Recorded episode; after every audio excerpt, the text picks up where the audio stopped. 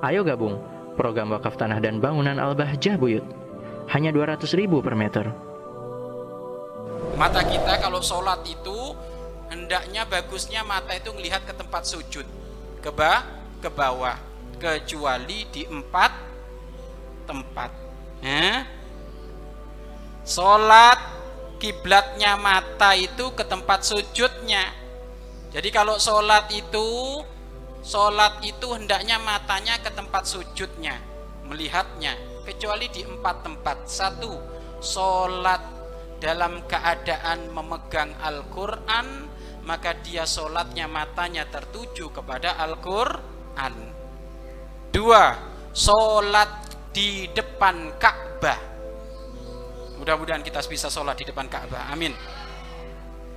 Sholat di depan Ka'bah maka tidak dianjurkan untuk melihat ke tempat sujud kita kecuali dianjurkan melihat Ka'bah. Dua, sholat janazah. Sholat janazah tidak dianjurkan kita melihat ke tempat sujud kecuali ke tempat jenazah melihat kepada mayitnya itu, kerandanya itu. Ya.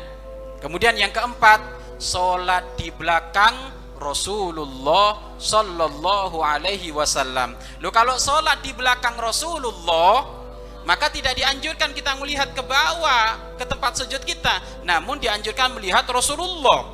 Loh, Rasulullah di depan kita kok melihat tempat sujud? Hah? Rugi dong kita.